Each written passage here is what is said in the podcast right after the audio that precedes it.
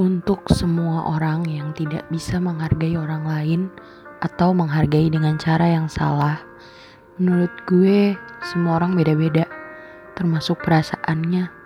Mungkin yang bagi kita tidak menyakitkan akan menjadi sangat menyakitkan bagi dia.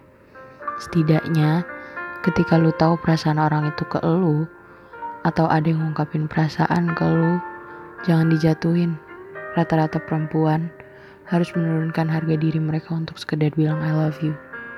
Namun dengan jawaban, bercanda lu ah, gue gak mau lu suka sama gue. Kita sahabatan lu lupa. Terkadang kata-kata itu yang buat kita kecewa dan takut untuk ngomong kata-kata itu lagi. Tidak mudah bagi perempuan untuk mengungkapkan rasa yang selama ini mereka pendam. Gak mungkin kalau dia gak mikir panjang untuk mengungkapkannya.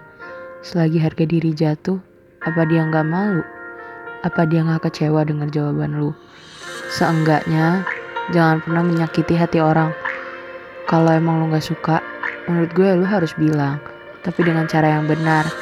Ya tidak merendahkannya. Dia juga bakal ngerti kok kalau lu punya alasan yang tepat dan gak ngerendahin dia. Kalian harus tahu gimana rasanya jatuhin harga diri cuma untuk ngomong I love you.